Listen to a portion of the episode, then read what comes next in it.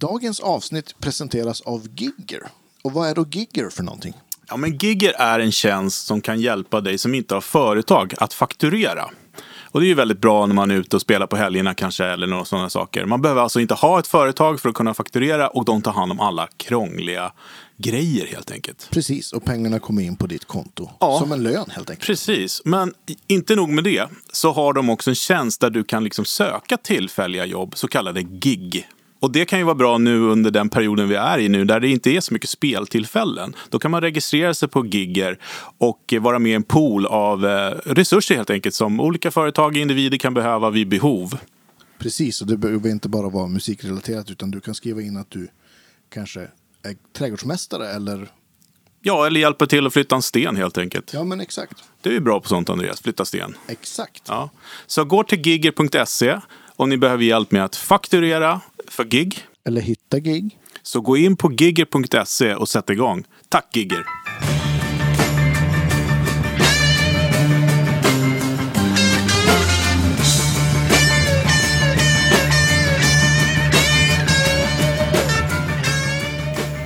Welcome and thank you for for taking the time to see us.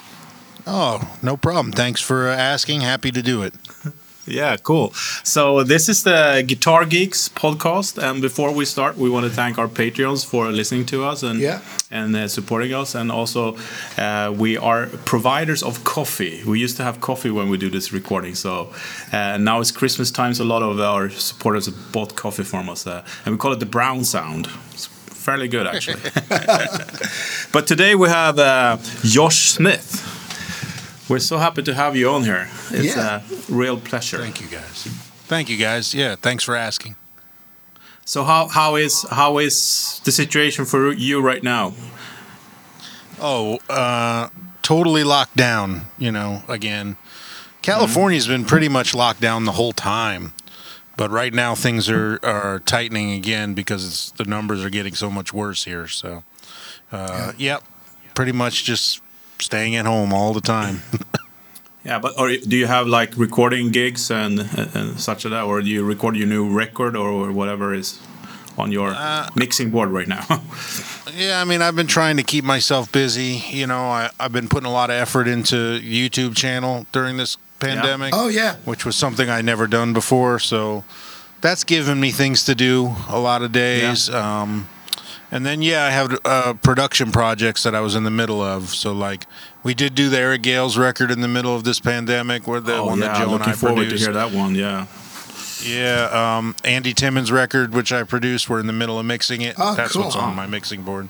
Um, so yeah, little things like that, different guitar projects. None of my own stuff actually. Not been the most uh, creative time as far as that goes. No. understand. But but regarding Eric, uh, I think I read on on uh, on Instagram that he was like suffered pretty hard from the COVID thing. How how is he? He's fine now. Um, yeah, in Yeah. September we recorded the bulk of the tracks, and he was fine.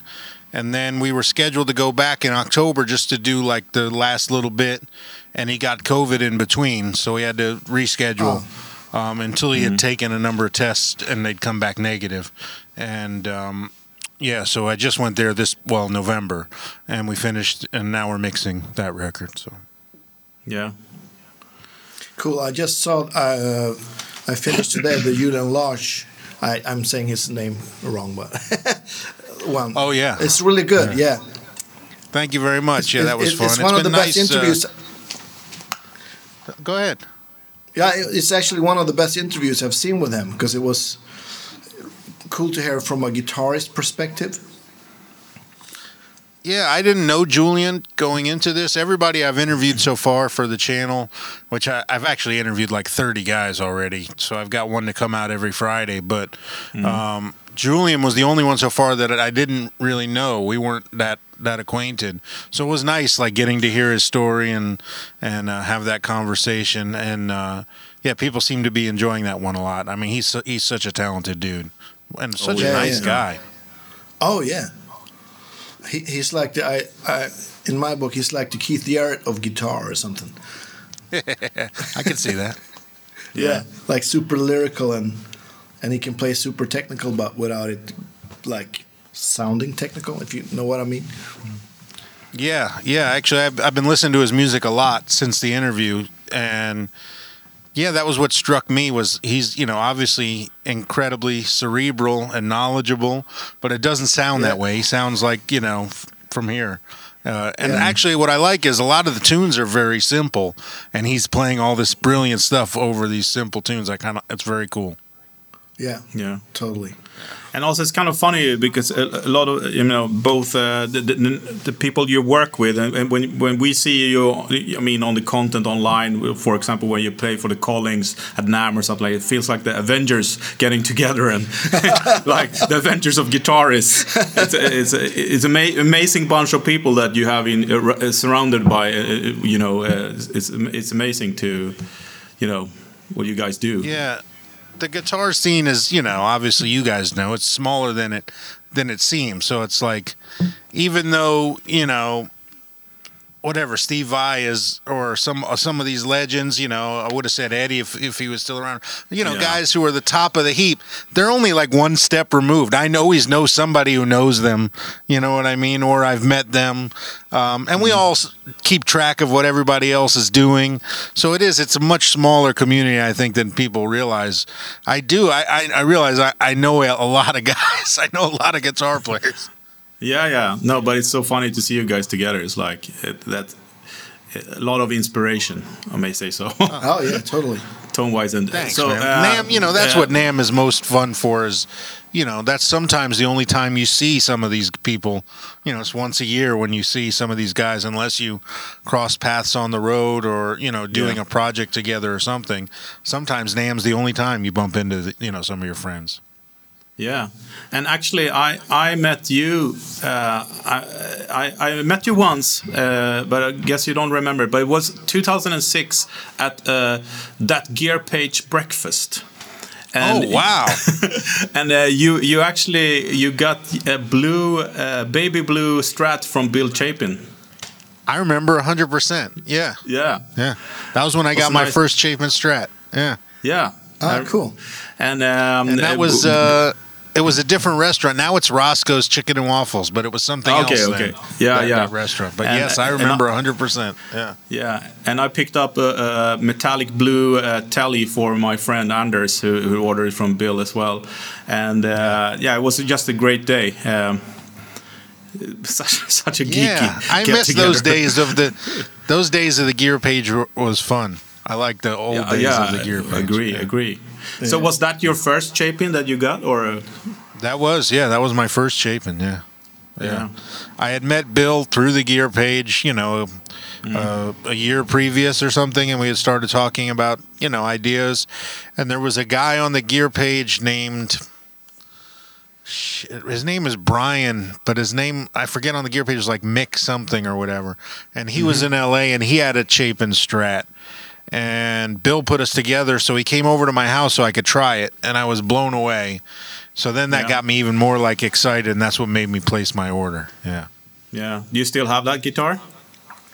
The blue one, uh, well, it's kind of. My friend in Chicago, I gave it to him, so he's he's Yeah. got it. Yeah.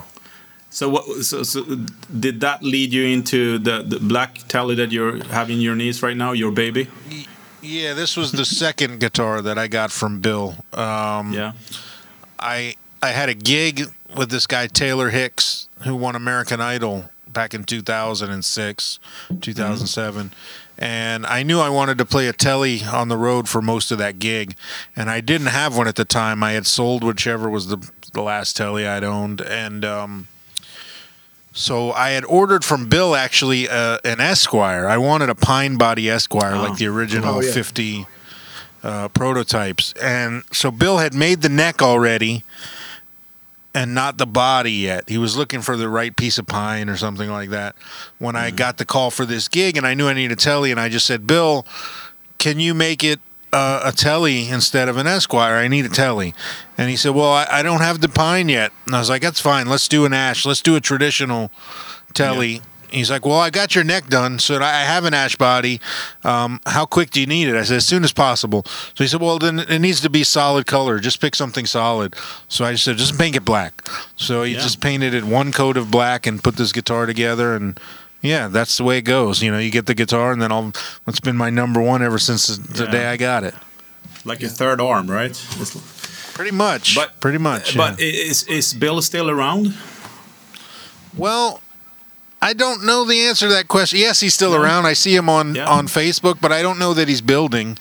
Um, you know, I I haven't seen anything. You know, Bill, like a lot of small builders, uh, is great at building guitars and wasn't always the best at the business end of No, building yeah. guitars, and you know, so we run into a lot of delays and guys get mad and and, things Oh, like that okay. happen and. So I, I don't know I don't know what is uh, what he's doing right now as far as building. We actually haven't talked in probably about a year.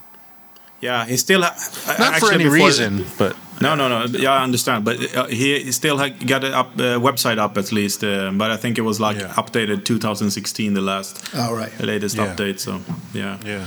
But but that that's became your number one, and uh, that's what you're you you kind of famous for playing that black telly as well. Um, and there's a lot of interviews you talking about it. So Yeah, I but- mean, you know, it's funny how that happens. It's like it wasn't even what I had ordered, you know, and No. then it, it it ended up being what what I really needed, though. Yeah. And at, at the time when you did that gig, were you playing the super reverbs or uh, because that was way before Morgan, right? Yeah, that was before Morgan. So I was playing Super Reverbs. Uh, I had a vintage one, uh, Silverface, that was my favorite. And when I when I ended up going out on the road with Taylor, I wanted to take a more modern stuff um, on the road. I needed to cover some more ground, and I just wanted some different things.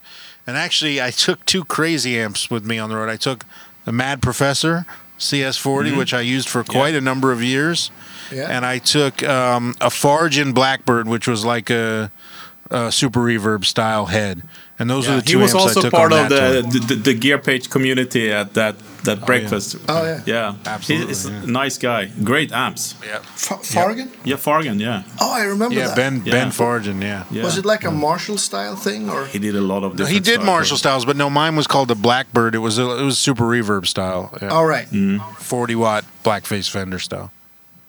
So Do you still have your CS40, the Mad Professor? I don't I don't still have my CS40. I wish I did, quite honestly. I miss I miss that amp. Yeah. I think you have two, right? Yeah, I have two. Yeah, So we're- I've we're always very- I've tried to get Harry for 15 years to make me a CS80.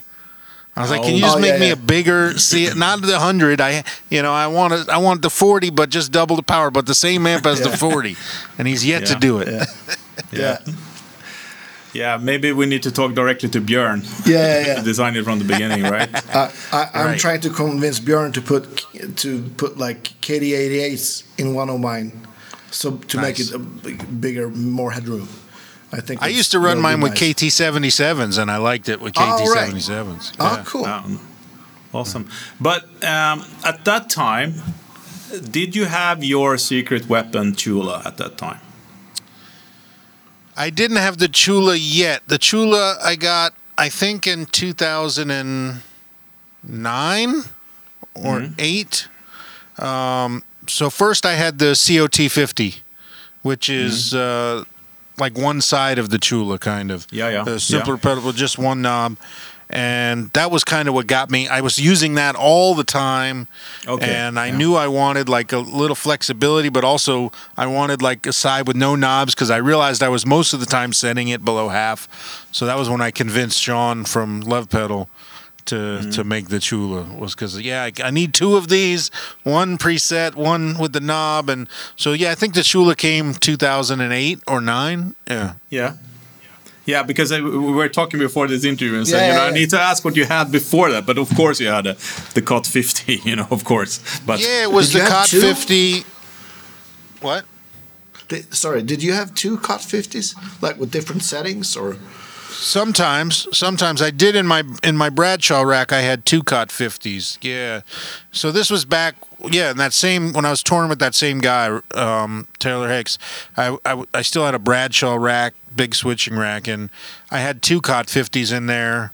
I had an Eternity Love Pedal Eternity Oh, in there yeah. for for like my regular overdrive. I had a Menatone uh, King of the no, uh, Working Man's Blue, which I Yeah. liked. It was like a basement sound. Um, what else did I have? RC Booster, AC Booster. They Yeah. were really hot yeah. at the time. I, I was way into Oh, yeah. those. Yeah, but the the the, the COT 50. When when I got the COT 50, that was like. Uh, uh, just like getting this guitar, it was a game changer for me. It was like, oh, this is. I've been looking for this sound for a long time. Coming home, kind of. Yeah. Yeah, and, and, and, and I agree with you. That's uh, I, I I played the Tchula. I played it for many many years, uh, and I discovered it through you actually. So thank you for that. But uh, I also have You're the Cot 50, but but I, I prefer the Tchula any day before it. You know, in front in front of the Cot Yeah, 50. there's something special. You know, the only thing I asked him to change with the Tchula was like make it even a little more clear on the 1st side and just there's something about the simplicity of the Tchula. You know, it, it doesn't work for everybody, but it what it does, it does better than anything that I think that ever has ever done. It's the most Yeah. organic thing, and it just it's something special. Yeah. I mean, Yeah. I, I haven't played a gig without it in 11 years, I guess, going on 12 years now. Yeah. Yeah. No, it's it's such a part of of of, of uh, you know the amp. It's, it's almost like you know you tweak the amp in a way. But uh, this summer, actually, since you know this crazy period we're in, um, you know, gives you a little bit more time to dive into things for good and bad. But um, I actually took my Tchula to uh, John Olsson, who builds uh, Olsson amplifiers here in Sweden, and he uh, we, we're talking about the the speaker cranker from EarthQuaker Devices. Have you tried that one? No. No, it's it's a fairly it, it's built on the same you know Circuit? in in a way in a way okay. yeah. Uh, so we we added another diode to the second stage of the Tchula, and it's became even more clearer and even more bigger. So you sh- you should try it out. you Well, probably it's like funny it. you say that because uh, I'm working on uh, a new version of the Tchula that I Yeah. with someone else. Like, because Sean has disappeared basically. Love Yeah. Pedal Yeah. Has. Cl- I haven't spoken to Love Pedal in over two years, Yeah. and um, and I've had these ideas for you know things to change on the Tchula and things to do different and. So I'm working on on a new one now Yeah, that yeah, has yeah. some some some interesting things going on. Yeah. No, yeah, but because you know I have it on the second stage and it just opened up and became just bigger and clearer for some reason. It, it really worked out well. Um, so that's cool. Cool. Uh, but you you born and raised Florida, right? Yep, yep. South Florida, down by Miami, Fort Lauderdale area. And I I know Andreas here uh, is, is kind of uh, very interested to hear about the pajamas parties with Derek Trucks. Pajama parties. yeah, I mean, we did, we did have, we, we didn't wear pajamas, but we did have uh, No, sleepovers. Yeah, yeah, yeah. we were a bit You know, older, I Derek-. Derek lived in Jacksonville, which is uh, about five hours from where I live. Florida is a very long state, you know. Yeah, yeah. And I was down at the bottom, and Derek was all the way at the top. But he he came out and started playing the scene probably a year before I did, you know, and he's 12 years old. We're we're the same age, and so uh, he was on the news because he was coming to South Florida, and you know, it was a a novelty kid guitar player, whatever. And I saw this, and my parents, we saw it on the mm-hmm. news, and it was like inspiring to me because it was what I wanted to be doing. You know, I had Yeah. gotten pretty good at a young age, and I wanted to be playing blues music with adults, and so we went to go see him play and yeah, that was really inspiring. And we became friends. And yep, yeah, you know, he would come down to, to play, and he would stay at the house, and and then we ended up, you know, playing together, you know, hundreds of times. I mean, just mm-hmm. over the Yeah, yeah. years down there, and you know, he always had it, even from from day one. He's been very special. He sounded that way when he was a little kid. yeah, but Did, did you did you sound that way as well? Because you you, you no you developed over the years. So yeah. Yeah. Well, I mean, Derek has developed over the years too. Of course, he didn't Yeah, have yeah. the vocabulary that he has mm-hmm. now back then, but he did have the voice. Like he had that sound. Like he he just sounded like an adult right away. And I, I don't know whether I sounded like an adult or not. You know, I was I was obsessed with Stevie Ray Vaughan back then as a kid, and that was like what I wanted to be doing all the time. And so, like when I look back at at me playing as a kid, it's cringeworthy to me. Like I don't want to see it, but I, you know, but it is. I will admit it's good for you know someone that that Yeah. age. You know, Yeah. I, I put in the work. You know, I could play. Yeah. Yeah, yeah. So, so, so when did you uh, get to the point where you were like, okay, now I got my own voice, sort of? When was that? Did, did, did, did, did that appear to you, or, or you know, was it something that just, you know, Evolved. suddenly you've been doing it for five years without knowing it, or?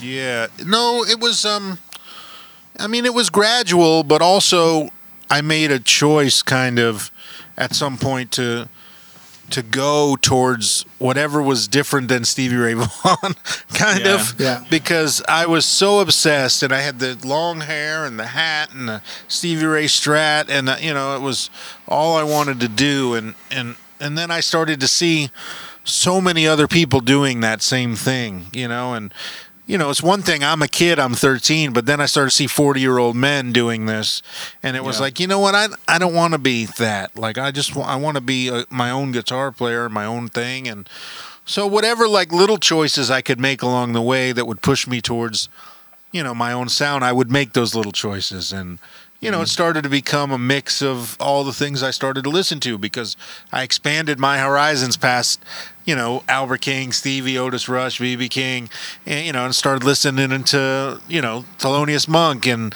Charlie Parker and Coltrane, and then listening to Yeah. Danny Gatton and and listening to Ray Charles and Sam Cooke and you know like all this other music and I think that's when I started to f- to find my own voice is when all that stuff started to mix together. Mm-hmm. So, so was that pre pre moving to LA, or was it when you? Yeah, yeah. No, that was pre moving to LA. Yeah. Um, yeah, like I remember being you know 18, 19 and going through Mm. you know big spurts of creativity and and learning. Mm. You know, also back at that time, I was working a lot. We were on the road a lot.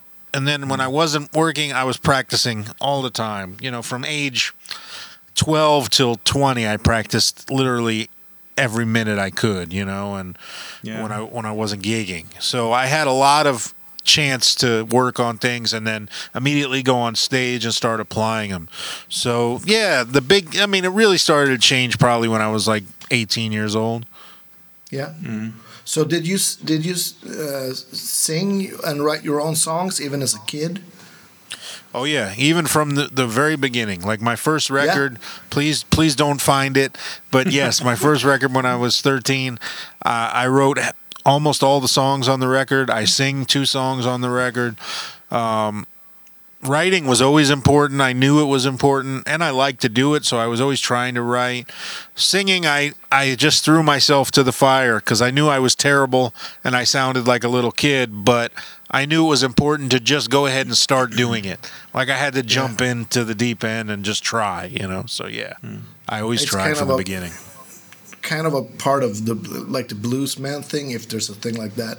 Like pretty much all the giants they sing as well. Kind of was yeah, that a, I knew like if a, if I if I wanted to reach, you know, the level I wanted to reach, or I was looking at all my Mm-hmm. heroes, they all sang. You know, they all did their own songs and sang, and I knew I had to try to do that and get to Yeah. that place. Yeah. uh, from listening to the the Steve Ray Vaughan book, I he, he seemed to be very self conscious about his singing as well. Like he, he didn't really like to like to sing, but he I think he felt like the same way. It was a I don't know necessary evil is maybe a strong way of putting it, but As a kid, I certainly felt that way. Now I enjoy singing, you know, and I, I work yeah, you have a actively great work voice. at Thank you. Uh, well, I actively work at getting better at it, you know, but as a kid, it was definitely like no, you know, I was scared of it and I I just wanted to be okay, you know, good enough to put the show across and do the job. Um, it just never felt as natural as playing the guitar. You know, the guitar always felt just just like like home, like this is right, and singing always felt like oh, I, I don't know if I could, you know, it just wasn't comfortable. Yeah. But, I- but I, I guess back at back at those days, you were more of a guitarist, and now you're more a musician, right?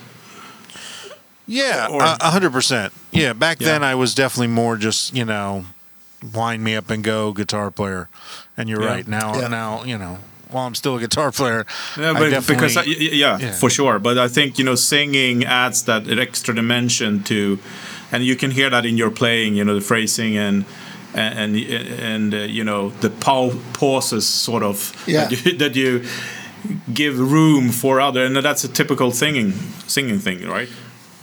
Oh yeah, yeah. I mean, a lot. I mean, even before I was a good, well, I don't want to say good singer, but before I got comfortable with my voice, um, just the you know, singers were always a huge influence on my soloing. Like a lot of mm. my phrasing, you know, comes from not guitar stuff. It comes from horn players and it comes from singers, you know, like so much of my phrasing comes from the way Sam Cooke sings. Like he's a huge influence on my soloing, you know, and Yeah, same yeah. with Ray Charles. You know, I used to sit there and learn their vocal phrasing on guitar, you know, just to mm. kind of get that more vocal sound, like you're saying, a conversational style to my playing. Yeah. So I, I actually have a question on that because I mean, to me, your playing is the kind of playing that there's no shortcut to it. You have to do the hundred thousand hours, not the ten thousand, the hundred thousand hours, and, and, and by playing, not only practicing. But when you're practicing, uh, did you do scales or did you play songs, as you said, or you know, how did you practice back, you know, when you when it started? Well, when I was a kid, I did both. You know, I I worked on fundamentals absolutely. Um, I wasn't obsessive about like you know running scales, but I learned them. You know, and I I learned you know the fun. I could read music. I, I you know I had a teacher who knew the fundamentals well, and he would you know make sure I I learned them. Um, and then yeah, I was learning a lot of songs. I was playing along to songs all day long every Yeah. day. So, you know, I'd get home from school and I'd put my headphones on and I'd just sit there and play along to songs in my bedroom. Mm-hmm. And, you know, I, I think that was the biggest key to, like you said, it's it's sometimes how much effort do you actually put in? How many hours do you devote Yeah. to this hmm. thing? And you're right. I've easily devoted 100,000 hours to this instrument. Like, Yeah. you know, I was willing to, not willing, it was like, it wasn't even a choice. I loved it. It was just, hmm. it felt like that I, w- I would have done it no matter what. It was just what I hmm. wanted to be doing. That's amazing. Yeah, I have a question.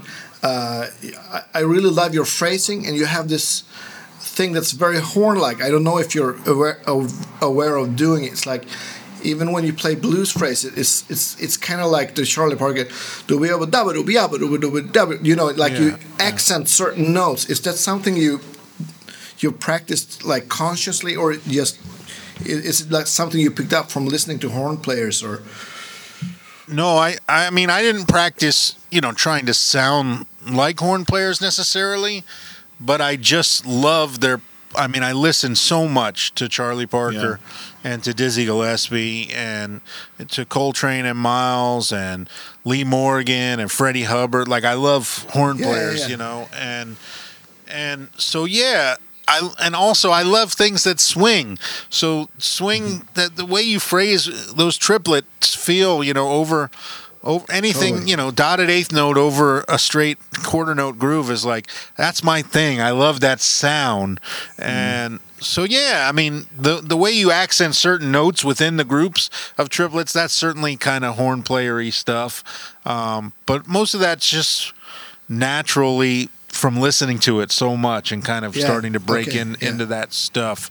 Um, yeah, I just love I love that kind of phrasing that again it's it could be really busy but still like be conversational and there's little pauses it sounds like full thoughts to me and complete sentences it's I- I not mean, just it's the- run on it's the r- sentences No, exactly. It's the r- r- rhythm and it's the expressiveness in it, you know, and the dynamic. Yeah, totally. And and and I think if you play like uh, a conscious stream of eight notes or sixteenth sixteenth notes, it can easily be boring. It's like jazz guitar players that don't phrase like that.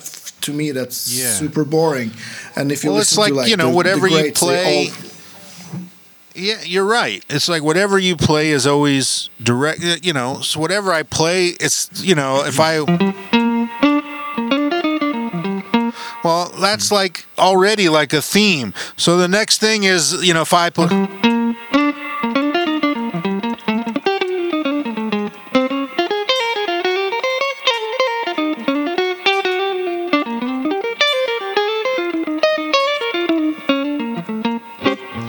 know, it's just going to work itself out, kind of.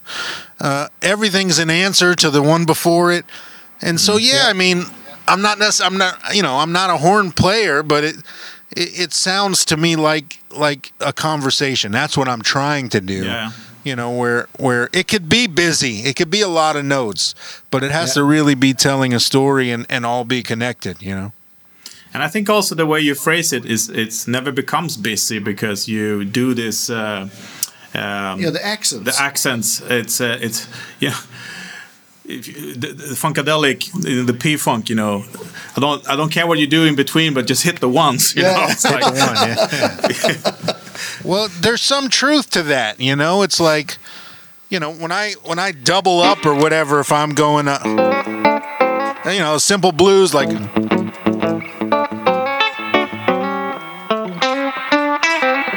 And I go on the four, you know what I mean? yeah, it's yeah. like, yeah. yeah, there's something heavy about that, you know. If I just play.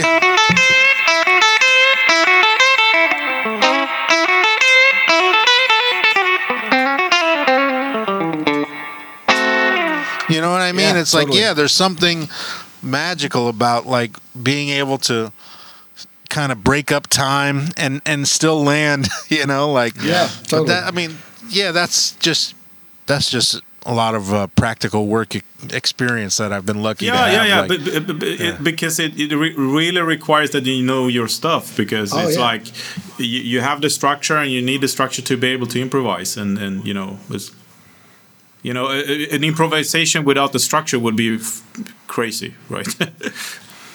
Well, yeah, I mean, you know, that's the thing. It- I get into this argument sometimes with blues people because it's like, you know, you, oh, you play too, you know too much, you can't play the blues anymore, or you this and that's not the blues or whatever.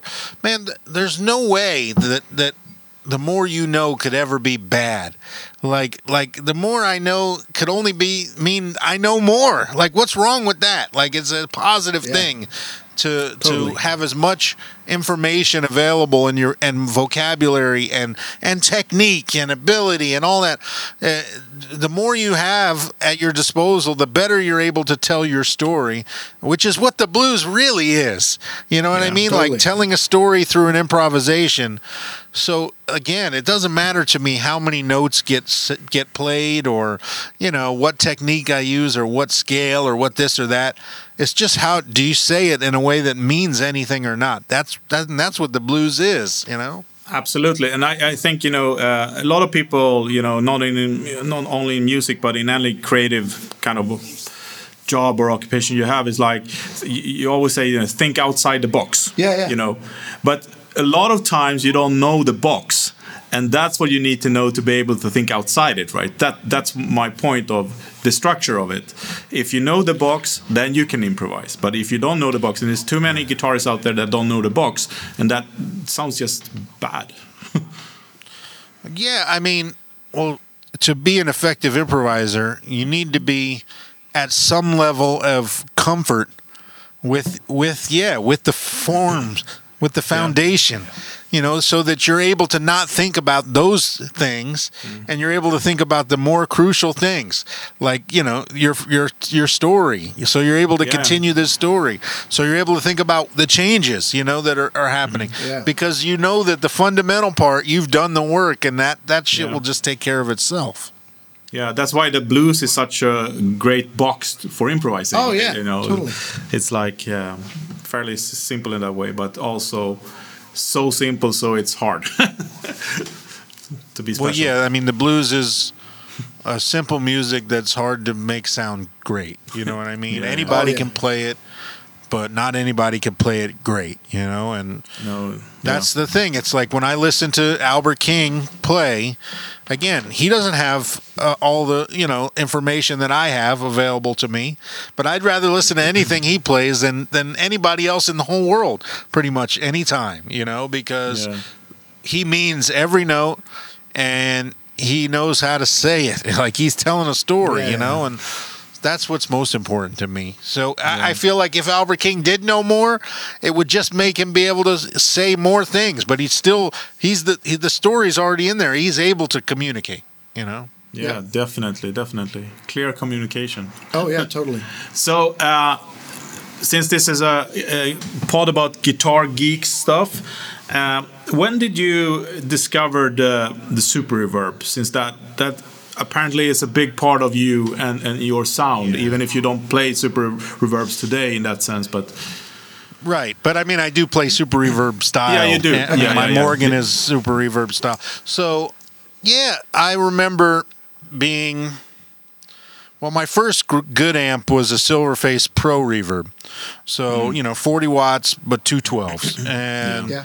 great amp. I was lucky. Like someone steered me into that when I needed an amp, and it was the first like real amp I ever bought. I was 13 years old, and you know it still works today. Like it's you know you can't break those amps.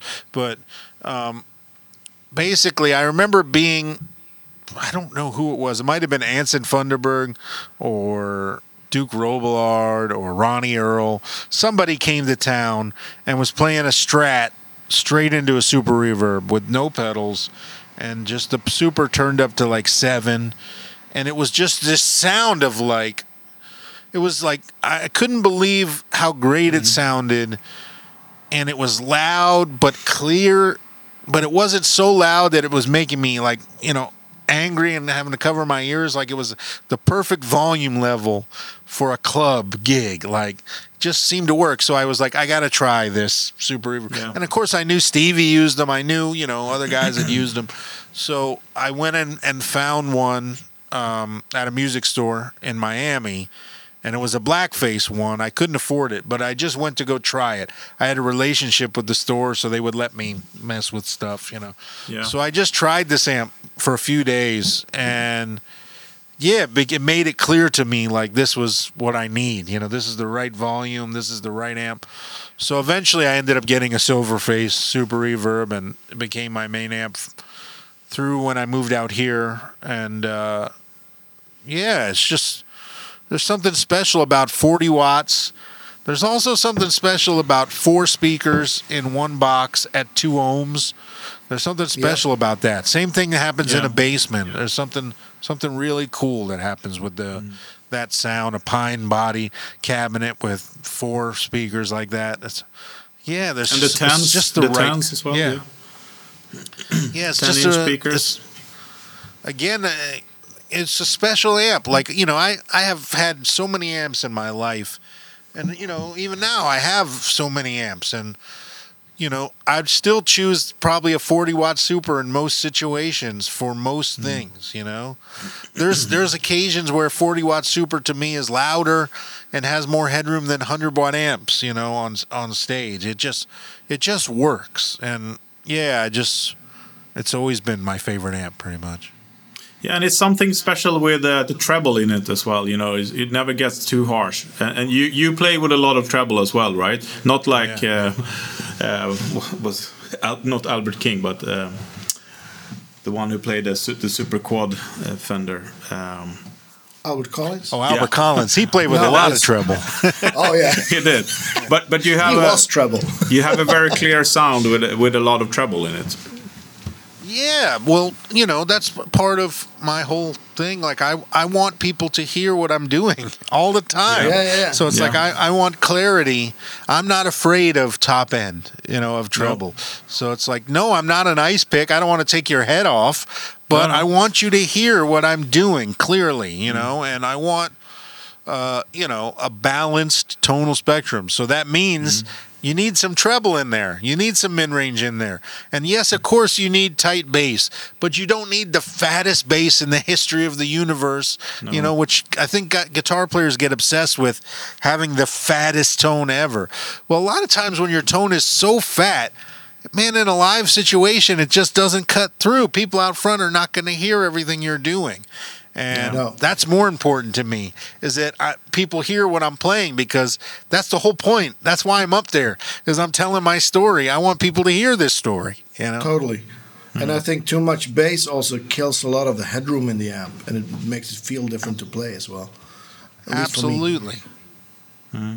And I, and I, uh, I, in my experience at least, it's hard to find the really good amps with that top end that you talk about. You know, being very present but not too harsh. That's what's like kind of select the, the good ones from the bad ones because it's not many around that can actually do that. Yeah, totally. Uh, that amount of, of top end that you that you talk about. Uh, and, and that leads on leads us into the collaboration you do with, with Morgan amps. So, so when did that start? So that probably started in 2009, Okay. I think, maybe 2010. So like 10 years ago. Um, Yeah. I had been playing the Fargen Blackbird a lot of the times and the Mad Professor. And I was at a gig somewhere where I didn't have my amps. And I was stuck with, you know, backline, flight backline. So I always asked for two super reverbs. That was what I asked for when I flied. Uh, so when I got to this gig, they didn't have a second super reverb. They had an AC30, and I was never an AC30 guy. Um, You know, I understood what they did, but in my world, I could never make it work 100%. But you know, I, I, I like to have two amps, so I was like, you know what, I'll I'll make it work tonight. I'll use the super and the AC30 together. And man, the second I strung those two things together, it was like, holy shit! This is I've been looking for this sound of these two things together: six L sixes, EL eighty fours, tens, twelves, different mid range. It was like this is what I've been looking for. Yeah. So then when I got home, it was like, all right, I need an AC30, and I've been touring with this Fargen for the super style. Let me find the best AC30 I could find. And some friends had started telling me about this guy, Joe Morgan, and he's here in LA. So it was like, you should check out his his AC30 style amps, AC40. It's really great. So I called him up and ended up just going by his shop, which at the time was just his garage, and. Yeah, I went and tried his Voxy style amp and was blown away. So I ordered one, and that was the first thing I got from him. And then Joe and I just hit it off like like no one I've ever hit it off with in the music, you know, gear industry. Like we became He like seems like actually a really real, nice guy. Yeah. yeah, we became like just real friends, you know? And so I'd have an idea and he'd be like, all right, I'll make it. And the mm-hmm. next thing I know, he'd call me and he's like, I made this. Let's, let's mess with it, you know? And I'd come down there. So I had an idea for, you know, my ultimate super reverb type thing. So he made it, you know? And then that's, that's been my main gigging amp for the last 10 years almost, which is the GOAT. Um, and then the JS12, which is the one they sell with my name on it, is like a Princeton reverb with a 12 inch speaker. It's amazing Um, amp. Yeah. It's it's amazing, and that came from the PR12, which was I asked them to make me that when I was playing. I was getting ready to play this gig with Mick Jagger on the Grammys, and I wanted two little tweed amps. So I said, "Can you make me one that's a Princeton reverb and one that's more like a tweed Princeton or a tweed champ or something?" And I want to use those to make them look the same. So he made just these two one-offs for me to use on the Grammys.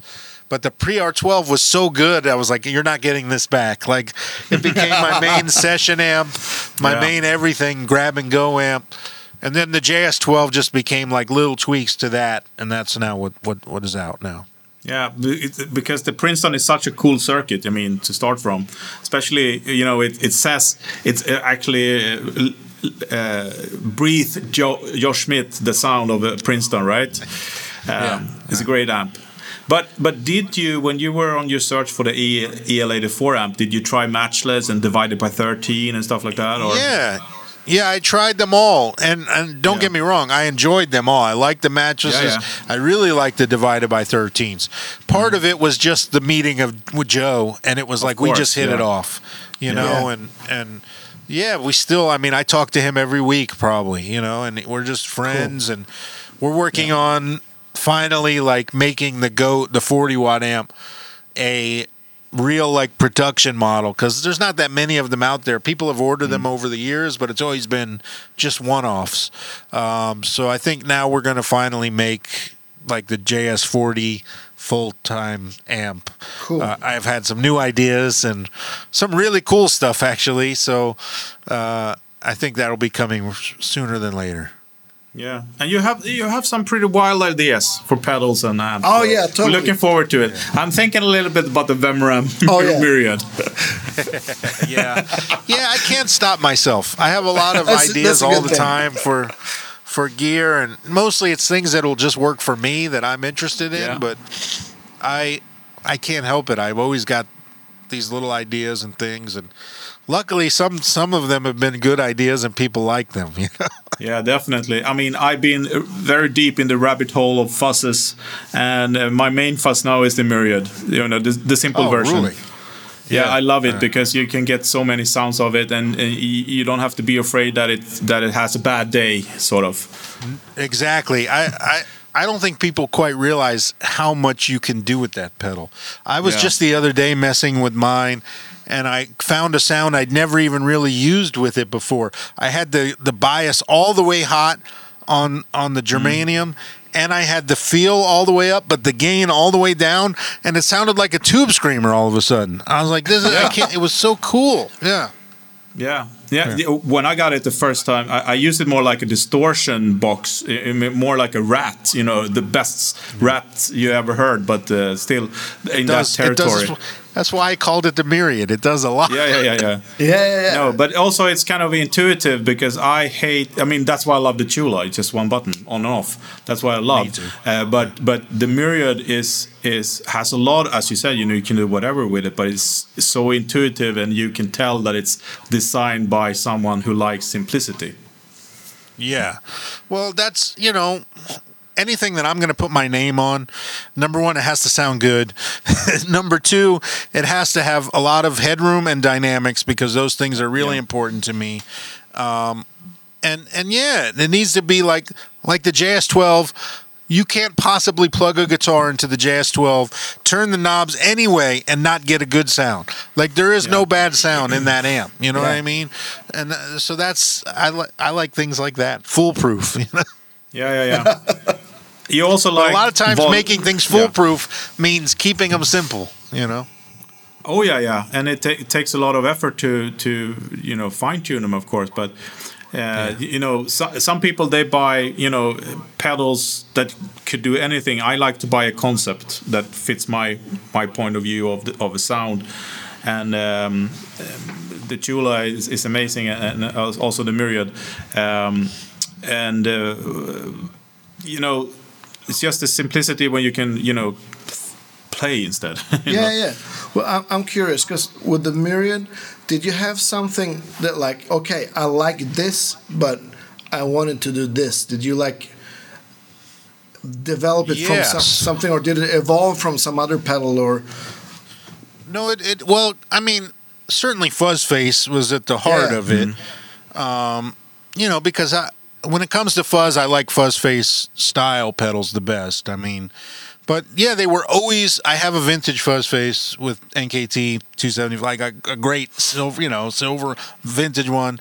Um, but it sounds different every day. You know, it sounds Yeah. different if I move it on the floor. You know, like it. Yeah. And it's also not very loud. Like when I turn it on, it's it almost feels like it's lower than my my clean Yeah, sound. You know, and and so I've always been looking for a fuzz number one that was loud, that had a lot of dynamic range.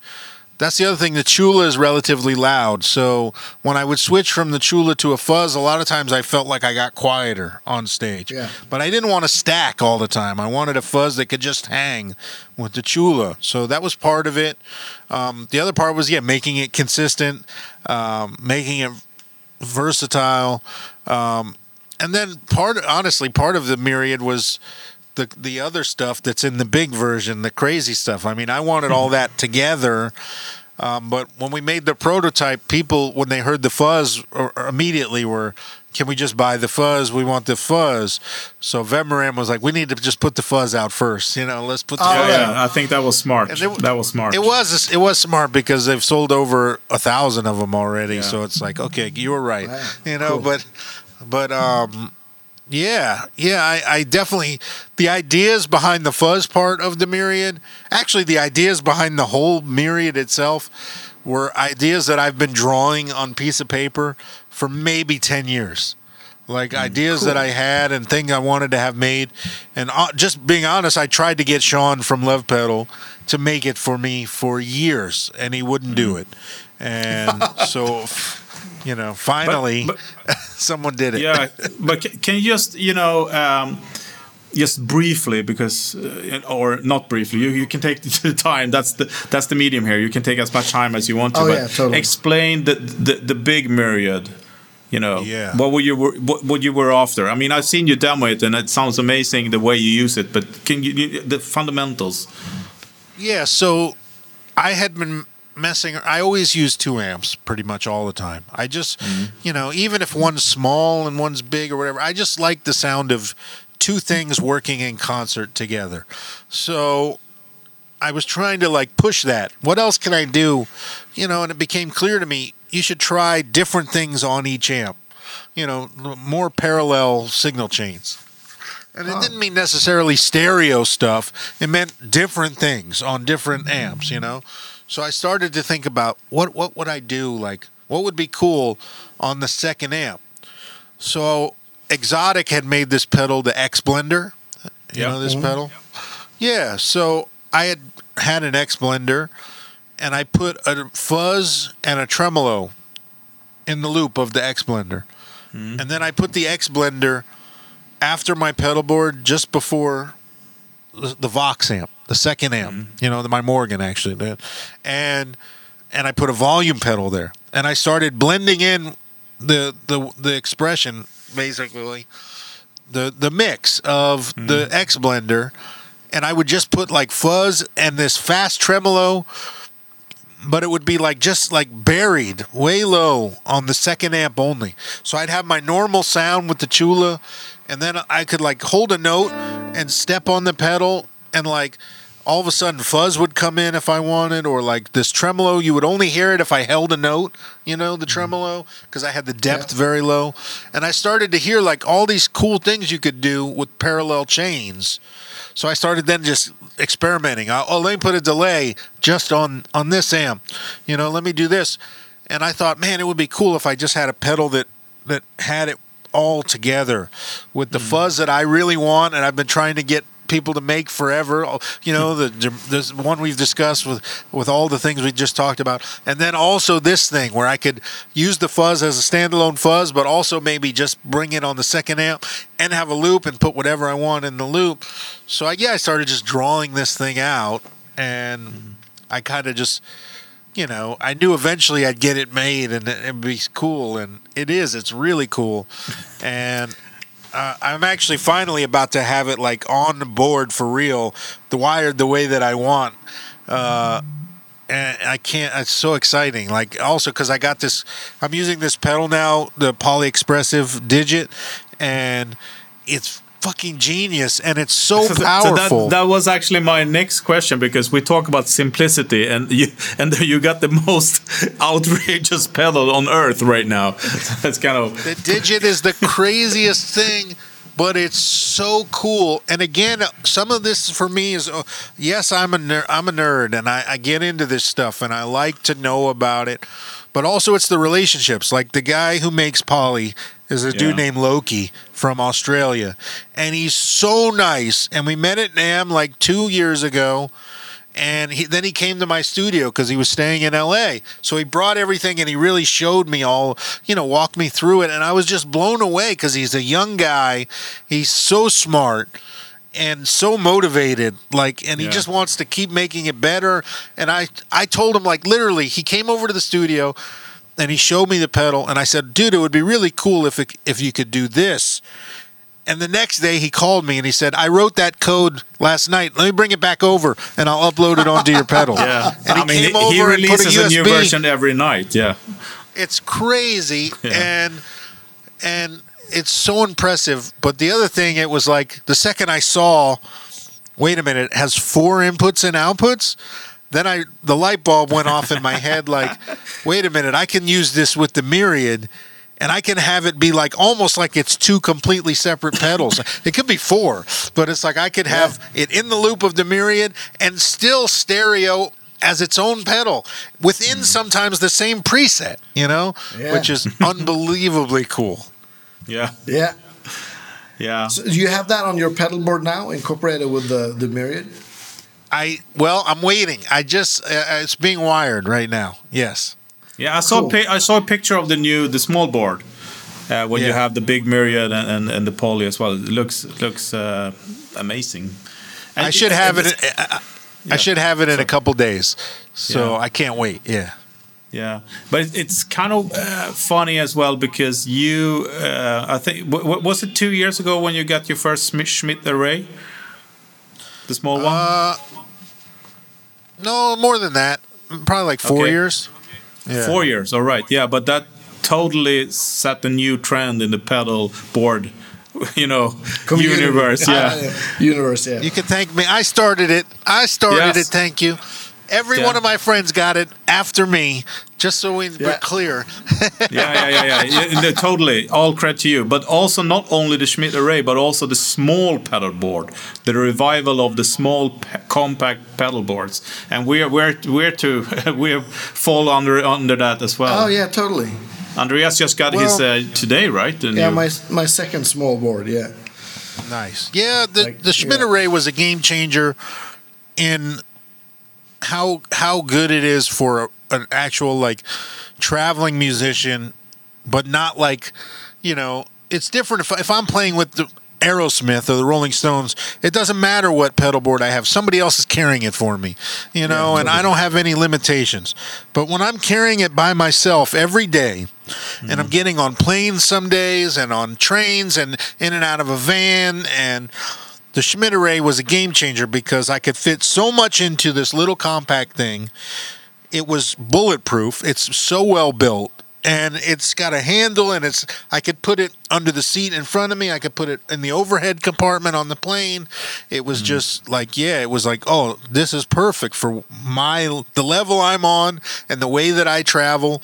This is exactly what I needed. And so yeah, I got the 450 first, which was the medium size board, which is the one that's being rebuilt now um, Yeah. with the poly and all that. Then I got the big one that Dan built. Well, Dan built both of them. Um, and then I got my little teeny one, which is the one I'm looking at right now. And that's the one I've used ever since I got it about a year ago. It's been my main one because we squeeze so much into this little board. I take that one with me everywhere, and the big one stays here at the studio. And that's why I figured, oh, I could take the medium one now and make it totally different. So that's why I'm Yeah. doing the big myriad and the poly and all that stuff. Yeah. I don't know, but your your first your first board, the, the 450 that Daniel from the gig rig in the pedal show Yeah, yeah. uh, built for you, that was a game changer uh, for the whole industry, I would say, and also for me. I used to have uh, Scott Henderson's old uh, Bradshaw system, and it sounded just amazing. I- And I, I, I, I you know. I took the pain by carrying it because it sounded so good, but then I like I, when I heard your board, it's like you know it gave me the confidence to actually go in and and uh, turn my, my, my Bradshaw rig into a pedal board, Yeah. and uh, it, went, it it turned out really really good. We have this. Uh, our Swedish Bradshaw, a, a guy called Göran uh, Elmqvist, who runs a company called Sound of Silence, and he's he's just a wizard to make things work, and uh, you know. Nice. So thank you for that. Nice, yeah. Well, it's funny, you know, Bradshaw. When I first moved to LA, I, I just wanted to meet Bradshaw. I wanted to go meet Bob Bradshaw. You know, it's yeah, like, he's a Yeah, legend, yeah. right? reading about him my whole life, and you know, the only pedal board I'd ever had was one I put together myself. You know, and mm-hmm. so it was like, okay, I'm going to go to LA. I'm going to meet Bob Bradshaw, and I didn't think I would get a rack, but he talked me into it. When I met him, he was like, "You should do it." so. So I ended up with this rack, you know, and the, the RS10 and the whole thing, and I loved it. Still, probably the best sound. Like it's just so clear and well Yeah. done. The G2 when I met Dan was the first time I felt like it was cl- it was like on the same level and close in sound like and so yeah that was it was a game changer for me to have it all on the floor and nice and neat and and uh, simple yeah But now you're now you're using the Morningstar as as the mothership, sort of, and not the G3, right? Well, it depends. So I've got now. Now I've got three rigs basically. Well, I will when I get the Yeah, yeah, medium yeah. one Okay, back. yeah. So the small one has the Morningstar controller and the Morningstar loops. uh, Yeah. five loops. Um, it's really impressive stuff. I will say the loop thing, while it sounds good, it's not quite as good as the G2 or the Bradshaw. Uh, clear, you know, just as, just in terms of the loops themselves. Um, the controller, fucking incredible. I can't believe how good their controllers are for what they cost, and they're, they're just they're so simple and easy to program, and just do what you need. Like it's so easy. Um, so then my big board has the G2 still. Um, and now the medium board, I'm switching from the G2. I probably would have done the G3, but I didn't know. Dan didn't give me the heads up. You know. Yeah. So and the small one, the, the Atom, the small one. It would have been would perfect. Be perfect. It would. Yeah. It would have been perfect. So I can see I will probably end up doing something in the future with the Atom. You know. Yeah. Um, but so the medium one now is getting the bigger Morningstar controller, the MC8. Yeah. Uh, I'm using a hex looper, the Voodoo Lab one, because it has Oh, six yeah. loops and it has a break, which enabled me to do my wah off the board, which I like. That's the way I normally like to do it. And I will say the hex uh, of the standalone, like little loop boxes, sounds the best that I've heard so far. Like very clear, more like the Bradshaw. Like just sounds sounds a little a little clearer to me and better. Um, and then the other cool thing is I added one on this little board for the H9, and I've got two on the new medium board. One control, uh, the company from Japan that makes switchers and different pedals. They made me, and they're going to start selling it because, again, it was another good idea that I had, and they're putting my name on it. Uh, a Is little that like the one that's is is that the one that says inspired by Josh Smith? Yes, yeah, yeah. It's Yeah. it's a stereo loop in a small enclosure using all TRS jacks, MIDI switchable, and you can mm-hmm. feed it with stereo or mono. So you could put it ah. after the Morningstar or after a hex or after any mono chain and have a stereo loop that's MIDI switchable. And there's a little teeny box. So I've got one for the H9 to be in and one for half of the Poly Effects digit to be in so they're still i can switch them as their their loops you know hmm, That's smart. So, so why do you use the H9 in in the the one control thing? Is that to, and you run? Do you run the H9 like totally wet or? no Or i don't it run a it totally wet but Pro- the h9 i i love the h9 everybody knows i love the h9 it's been on hmm. my board since the minute it came out but every one of my boards it's been in a loop when i put it on this small board first it wasn't in a loop because the morningstar is only five mono loops and the h9 is at the end and it's always stereo for me so i had the h9 after the morningstar and basically just running through it all the time and I didn't like what I heard running through it all the time. The bypass mm. and just the dry, th- it, it didn't sound right. Being being running through it all the time. So I, I basically that's why I wanted this loop. I was like, someone needs to make a stereo loop like that's smart, small and mini Yeah. switchable. So that's that's why the H9 is in it. Yeah, I just prefer things in loose because, quite honestly, most of the time the Tchula is the only thing on, or the Tchula and one other thing. So I don't want to go through all the other stuff. You know what I mean? I just want to go hmm. through the things I'm using. And when I, when I saw the the one control, uh, the inspired by Josh Smith pedal, Yeah. I thought that was like the. Uh, the crazy part of the new the myriad fuzz that you kind of simplified but it's not right No, no, it's just No, a stereo no. loop. Yeah. Uh, a MIDI bypassable stereo loop. Yeah. Because every one of these little loop boxes that people make, loop switchers, you know, with five loops, the Morningstar, the Hex, the the PBC, the they don't have stereo loops. They just have, No, you know, mono. five, six mono loops. And then you got to come out of that into your stereo pedals in, in chain. And it was like, well, no, someone needs to make stereo loops so you can have MIDI switchable, you know, for these pedals. Yeah.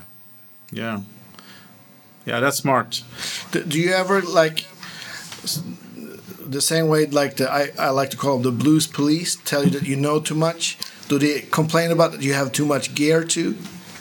Oh yeah, yeah. You don't need all that shit to play the blues. You know, what do you need all that stuff on the floor to play the blues? Albert King didn't use any of that. BB King didn't need any of that.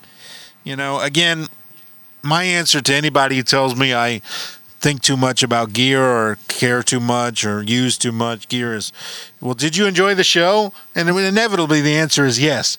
And I say, well, you would have enjoyed it less if I didn't have the gear that makes me comfortable. So just be Yeah. happy that I'm using what makes me happy because it gives you a better show. So like the people need to think of it that way.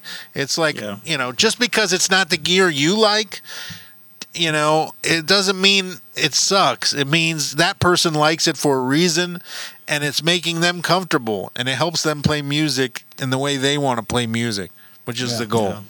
That's true. That's a great answer to that question. And, and another trend that you started a couple of years ago is the the the, the um, Leslie trend.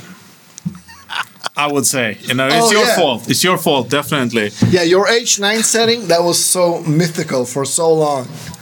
Yeah, yeah. So I get so many messages about that preset on the H9. Yeah, so many. Um, yeah, I mean, I I've loved the Leslie sound since I was a kid because I heard you know. Clapton play through one on Badge. I heard Hendrix play through one on Little Wing. I heard Stevie play through on Cold Shot and all those Yeah. other songs. And so I bought a Fender Vibratone when I was a kid, and I played with it for years. Um, and you know, I still have it. I have three Leslies here at my studio. I have the Fender Vibratone. I have a real Leslie 122 that goes with my organ, and I have uh, Benson from Benson Amps made me this little that, Leslie. was, that was my question to ask you if you tried that one because it it sounds and looks amazing online. I, I've not, I'm not experienced in real life, but Yeah, no, I have. He made me one probably like five years ago now. Four. I've had Yeah. it for a long time. It's really great. Uh, it's small and not that loud, but it sounds really great. He just made one for Joe. Finally, Joe had been asked after Joe saw mine.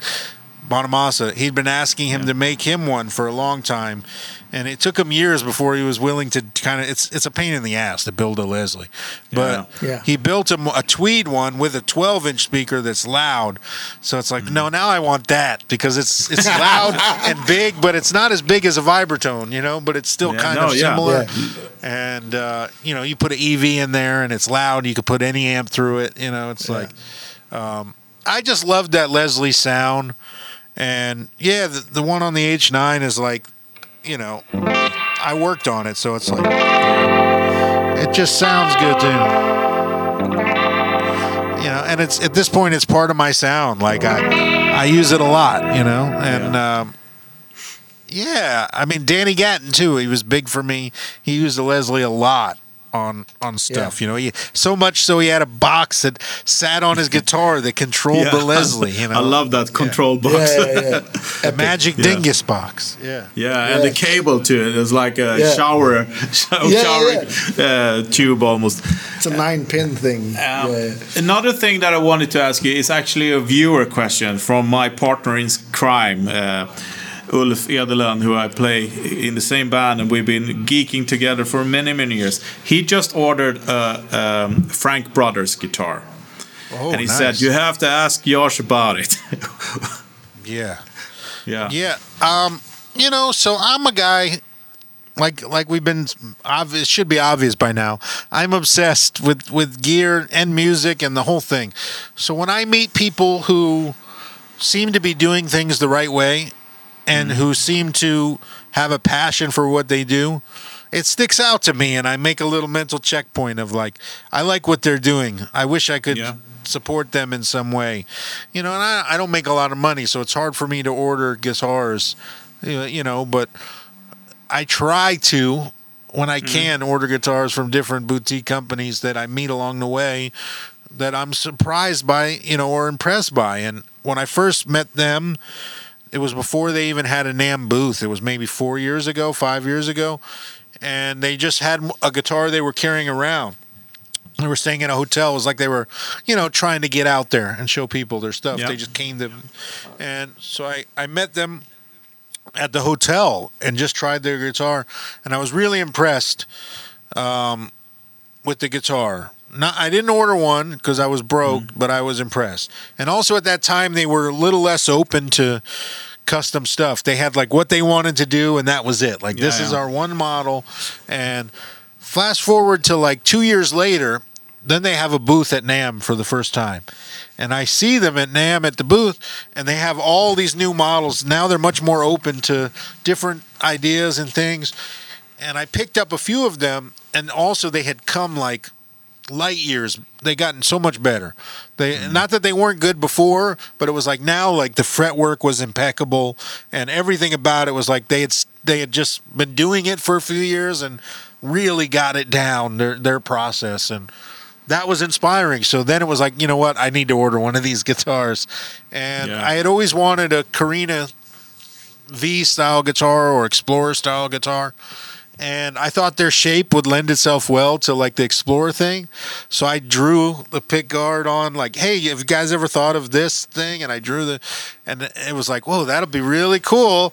And uh, so yeah, they made me a Karina one, and it's really cool. In fact, a number of people have ordered copies of that guitar Ah, from cool. them, copies like mine, because I think it is. It's really cool. It's a great design, yeah, and and I mean, their the Instagram feed is like Pornhub for guitarists. Oh, like yeah, it's yeah. it's amazing. Yeah, they have a really good aesthetic. Like they they know the little things to do to make it just be like, ooh, like that's perfect, you know? Yeah, and yeah. also that shape, it's one of the only shapes I've seen in a long time that is different and completely its own, but also doesn't make you go, eh, it's too weird or too this. It just it just lends itself to whatever they do with it. It looks good. Yeah, yeah, I, I agree with you. And and actually, we have a Swedish builder called TLL. Yeah, yeah. and it's the same you know when when there's something totally new but it's still familiar And classic. and, classic and you you, it, you know it's and it, I, I think it's all about balance you know a lot of uh, gu- guitar designers they don't have the design craft you know with the golden uh, you know Yeah. all that s- ratio and all that Yeah. stuff but it really makes sense when someone knows that Yeah. because you get balanced and your eye likes to you know look at it Yeah. Absolutely. Yeah. Yeah. So you should check it out. TLL. Uh, yeah. I will. I, think they- will check it yeah. out. And tell your friend. Uh, I'm sure he will love his Frank Brothers when he gets it because I've never played a bad one. Yeah. Thank Yeah. you. Yeah, I will. Yeah. So what what pickups is in your Frank Brothers guitar? Okay, so that one I wanted uh, really accurate PAFs for that thing, and my friend Joe Bonamassa and also another friend JJ Blair hit me to this guy JW Restoration who they use sometimes for repairs. He really knows his shit, and he was winding just limited amounts of these PAF clones. And everything I kept hearing was the, how great they were. So I hit him up and I was like, hey, I got this guitar being made. It's going to be kind of like an Explorer V vibe. I need the right PAFs for that. And so he made a set, and they're unbelievable. They're so good. Cool. Definitely best PAF copies I've ever heard. Like, really amazing. Cool. Yeah. In this guitar that my friend ordered, he will have, uh, and uh, you know Bill Asher, Bill Asher guitars. He will have the telly uh, pickup in the bridge. I I think it's Kurt, Curtis. No, it's the blade one. You know, the blade one. Yeah. Um, and uh, I, was it in the neck? Maybe it was in the neck, and then we will have uh, um, raised butt uh, in the in the in bridge, Nice. like yeah, fil- Filtertronic Yeah. pickup. Cool. It's gonna be a great guitar. Uh, I'm looking forward to it. But what, what's what, what's happening now for you? What, what's in the plans? You know, we know all, all about the situation, but what, what's what, what's the vision or what's the plan? Well, I mean, you know, I don't know uh, what next year is going to look like. Depends on No. the vaccine, of course, and you know, most of the gigs from this year that got canceled. I've moved to next year, but who knows? You know, I I Yeah. just don't know at this point. Um, I I'm probably gonna just be here at the studio doing what I'm doing now, which is putting more effort into the YouTube channel and building that up. Um, and then, yeah, as much production work as I can get. You know, if people feel safe coming here to the studio, and you know things that we can do here here in town. You know, guitar sessions still. Like I'm getting, you know, people email me stuff to play on, and you know, a bit of that. And then I do have new music ready to come out Oh, that cool. was ready before the pandemic. I just don't know when's the right time to release it. Oh, you know, no. I'm trying Yeah. to. Oh, totally. I'm not really sure. You know, because I can't tour, I can't support it, and that's where I sell the bulk of my records is at gigs and things, and so I just don't know. I don't know what uh, you know. I'm trying to. Everybody's kind of just playing it by ear. Yeah, yeah, yeah, definitely, yeah, for sure. But uh, I mean, you you're in a good situation where you have all that. You have the studio, and you can you know do work there for people, and and also work on your own stuff, I guess. Uh, and and and also, uh, you know, a big thank to you because you have always been very given uh, online and shared stuff. Uh, you know, a lot of content out there that you that Oh, you, yeah, totally. you know gave out for free, and and that's really inspiring. So thank you so much for that. Oh man, I you're welcome. But I mean, I I like talking about this stuff just as much as anybody else. It's like I love I love this stuff, and so yeah, but it w- but we know we know the effort, you know. Yeah. So we, you shouldn't, you know. It's a lot of it takes a lot of time and effort to do this stuff, you know. And, Yeah. and we also a free podcast. We do it for free, and we have supporters, which we're very thankful for. But Yeah, totally. it's a commitment, and you you Yeah. you have that commitment, and we're very thankful for that. Oh, you're welcome. Thank you. Yeah. So uh, when it comes to, uh, we, we used to ask for, you know, what kind of rig you have at the moment. Your rig is very famous because you, as I said, just said that you like to share stuff. But do you have anything that we don't know about that you that, that you have right now in in, in your Or arsenal? coming on your new pedal board, maybe? Um. Well, the new pedal board, the new stuff on there would be, you know, the the, the big myriad, the poly. Um, I put the Chase Bliss preamp on there with the faders, the preamp Oh, Mark cool. II, Yeah. the yeah, Automatone. Automatone, yeah. Very impressed with that pedal. Um, yeah. That's the only new stuff on that board. Uh, I'm working on, yeah, I'm working on some new things. You know, like I said, the new Morgan amp probably sooner Yeah. rather than later. New Tchula style pedal sooner rather Mm-hmm. than later. Another kind of pedal idea that I've had for years that I've cool. convinced someone to make, uh, probably sooner than Mm-hmm. later. And then the guitar, big one is the guitar. You know, I have a Yeah. signature guitar coming out in January. I can't say what it is, but it's with a big company, and uh, I'm very excited about it. And it'll be announced sooner, you know, in January. So Yeah, then I can start. Once that happens, then I can start talking about it. Finally. Yeah. Yeah. yeah, We're looking forward to it. We, we heard Yeah. we heard the rumors. So. Yeah, we have. uh, is it? And I guess that might be based on on the guitar you're holding in your lap right now. It's hundred percent based on this this guitar. Yes. Yeah, Yeah. and that that that, that would be amazing, uh, of course, if that becomes available for other players. Yeah. It will be available everywhere in the world without Yeah. question. Yeah. Yep. So Awesome. um, um, you have all these collaborations, uh, and and you spoke about the, the collaboration. Uh, can you tell us a little bit about those guys? I mean, I, to me, they they make like you know extraordinary pedals, for sure. I mean, It's like the Lamborghini of Ferrari of pedals. Some, yeah, they always walk the extra Yeah. miles. They do. They they go the extra mile. Um, it's a very Japanese way. You know what I Yeah. mean? Like, number one, they're the greatest guys. Like literally the nicest guys I know. Um, and part of the reason I wanted to work with them again is because of that. They're just they're my friends. They were my friends before I ever did any sort of business with them. They were my friends and not only were they my friends, they brought me to Japan for the first time and helped me set up gigs before I even used any of their pedals. Like they just were my friends and they wanted to be, you know, involved Part with me and help me Yeah. and and it was it was so much that I wanted to be using their pedals, but I'm not a Jan Ray guy. I like it, you mm. know, and it was but it was like it it's not really my thing. I don't use many normal overdrive sounds anymore. So it was like I was trying to figure out a way for us to work together, quite honestly, because I wanted to be in business with them. And the myriad was finally the thing where, like, you know what? I've tried for long enough to get Love Pedal to build this pedal. I'm going to try to get someone else to build this pedal. So I told them about the idea, and they were like, absolutely, let's do it, you know? And uh, it's been so great working with them. I, I love those guys and respect. Yeah, they they put a lot of effort into everything they do. Uh, they want it to be as good as it can possibly be. Um, and again, that's kind of like a Japanese thing. Like everybody takes so much pride in what they do, Yeah. whatever their job is, and Yeah. that's that's inspiring to me because I, I'm the same way. I want to be the best I can be, and uh, that, I like that. You know. But they- sound the best you can. Yeah, yeah.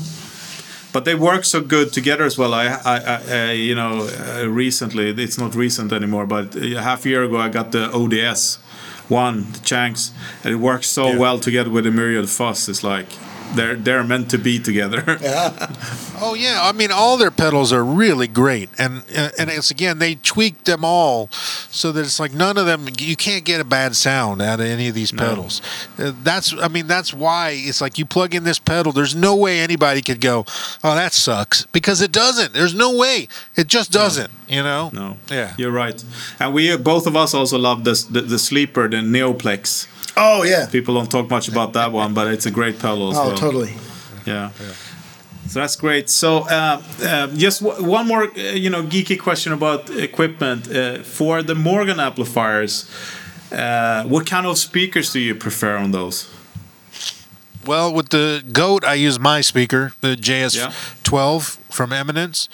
Uh, 1250, it's called the JS1250. Yeah. And um, uh, with the AC40 style amps, I like uh, the Red Fangs, Eminence Red Fangs, which Yeah. are more like Alnico. Alnico, yes, uh, blue style speakers. Um, yeah, I, I mean, I've used Eminence speakers now for 15 years. I mean, they've been really good to me, and. I love I love their speakers, and and I like they're nice people. And again, you'll notice that's important to me. The relationship that I have Yeah, with yeah. these Totally. people. Uh, so they've been really good to me. Yeah. Yeah. I- I got sorry. I got one, one one more geeky question about since you have your own studio. When you record guitar, do you have like a a cab mic'd up, or do you or, or do you like do you have a a, a, a go to setup for miking guitar amps? Yeah, yeah, and actually, if people want to see it, I literally just on Monday put a video on my YouTube channel about great. Ah, how cool. I mic up amps and what I do. But normally, it's the JS12 most of the time, um, with two mics on the amp, and then room mics. So I use uh, a vintage Shure Unidyne three. Which is like a precursor to a 57. Uh, It's silver, says Shure Unidyne on it. Um, I put that dead center in the middle of a speaker cone. I like it dead center. Uh, then I use a Mesanovic ribbon mic, which is like a Royer, but I, I actually prefer it to to a Royer. Um, it's right next to the you know to the Shure, and that's like my main formula. Those two mics, and then I have a, a stereo room mic that kind of lives in my room out there, and you know I'll blend that into taste if I want the room sound kind of. Cool. Cool. And sometimes more amps or different amps but like that's like my go-to because i know i can do anything with that and you know my pedal board or whatever Yeah. Cool. Yeah, and- and we- we have talked about it many times to get you over to Sweden as well to play because I I don't think you've been here, right? it's been uh i was i was there was it last year i think so last year but just No, for but you- one you- show No, I don't think you have played here. I would have i known. played in uh gothenburg Oh, Gothenburg. Oh yeah, okay, that's right. yeah. We're in Stockholm. We're in so- Stockholm. Yeah. yeah i played at a blues the gothenburg blues festival Oh, yeah, you're right. Yeah, sorry, yeah. I think But, it was uh, last year. But yeah, Stockholm has been a long time. I've been there as a sideman, but I don't know that I've ever played there on my own. Mm-hmm. I need to get there. And I Yeah, come totally. to I come to Norway a lot because I, I play with the, a group of guys who live in Norway, uh, and they'll set up a tour a lot of times, but it's mostly Norway all the time, you know. So Yeah. I need to do the rest of Scandinavia. Yeah. Yeah, but we should arrange that because Andreas he toured with Ariel Posen this beginning of this year. Yeah, yeah. Oh, right, I saw that. Yeah, the- yeah. Yeah. So you should do something similar. That would Oh be yeah, awesome. totally.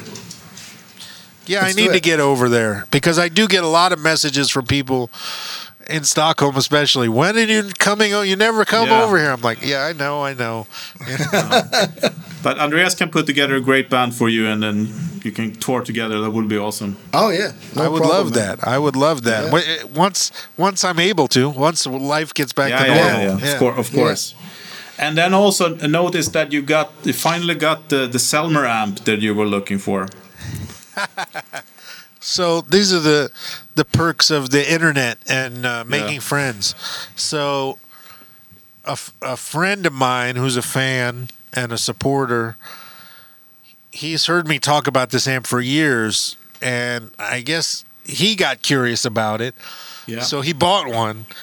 And then he, he lives here in LA, so he was like, Hey, I gotta bring it over for you to borrow for a while. So yes, he brought over the Selmer Thunderbird Twin 30 and it's so cool. I'm I'm working on a video with it now. Oh talk about unsung amp. This is an Yeah, amp nobody really talks about or knows. It's so special. It's, it sounds like nothing else. It's really killer. Yeah. The thing is, though, because when I heard you talk about it the first time, I actually know one for sale. So I, I texted you on Instagram. But I know Oh, a lot of guys never check the messages on Instagram. Yeah. Same thing with Joe Bonamassa. He's been looking for amps. I've sent him tons of amps. He never replied. so He probably doesn't run his he, own Instagram. he should check his Instagram a couple of times. No, but it's a, I it's a probably great amp. replied though, right? I know, actually, you didn't. but I it- it didn't. Oh, probably. I tried to always reply. Sometimes Yeah, yeah, yeah. things No, fall no, through the cracks. Don't though. don't feel bad about it. It was it was many years ago, and you know it was new. Probably ended up in a spam filter or something. But it's a It's great app. It's, it's beautiful, and and I just love that blinking eye on it as well. It's yeah, like- they're, Oh, yeah, the I magic like- eye. They're Yeah, super pretty Magic eye. Selmer amps. Yeah.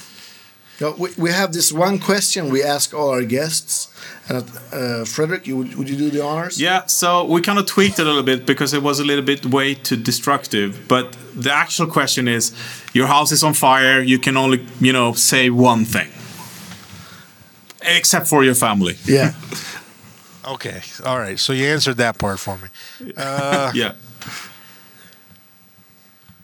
well, yeah. I mean, I guess it would be this. You know, Yeah. without question. Yeah. You know, This it would be this. telly. I mean, this is my, that's my number one. You know, Yeah. and uh, you know, I'm that kind of guy where I, I fall in with a guitar and I play it all the time. Mm-hmm. Like you know, uh, I joke with Kirk Fletcher about this all the time. He plays a different guitar every week, you know, because he Yeah, just yeah. likes changing things up and you know, his head is in a different space all the time. I'm I'm not that way. You know what I mean? Yeah. I, I kind of get stuck on something and play it for a long time and Mm. uh, I definitely never played any guitar as much or as long as I've played this guitar. You know, No. so yeah, this would be what I grab for sure. Yeah. Fairly obvious answer. Yeah. By the way, you know, you should talk to Kirk. We, we would love to have him on, on the show as well. He's Oh, still yeah. in Oh, I'm sure Switzerland? would love to. Yeah, Is, yeah is he he's in Switzerland. Yeah. Yeah, yeah. You should should hook us up. But it's Okay. it's been a pleasure to talk to you, Josh, and and I mean we can talk for hours, and uh, we we hope we can do uh, revisit you and maybe go through your new board or something like that. Would be awesome. But I guess you have a video coming up on that. Uh, I assume. I'm sure I'll Yeah. one, once I get it, I'll do one for sure. Yeah. Yeah. Yeah, no, but it's it's been a pleasure, and uh, we've been talking about this for a long time. So Oh, we're yeah, so glad that we could make it happen. Um, Awesome. Well, thank you guys for asking. And yeah, let's let's get me over to Sweden. Yes. Yeah. Let's make it happen. Yeah. No so uh, thank you, and we would like to thank our Patreons Yeah. and, and the Everybody Co- buying coffee coffee, and yes, thank you. coffee mugs and, and yeah. stuff. And uh, hope to see you guys soon. Yeah. Yeah. All right. Cheers. Yeah. Bye. Thank you. Dagens avsnitt presenteras av Gigger. De hittar ni på gigger.se.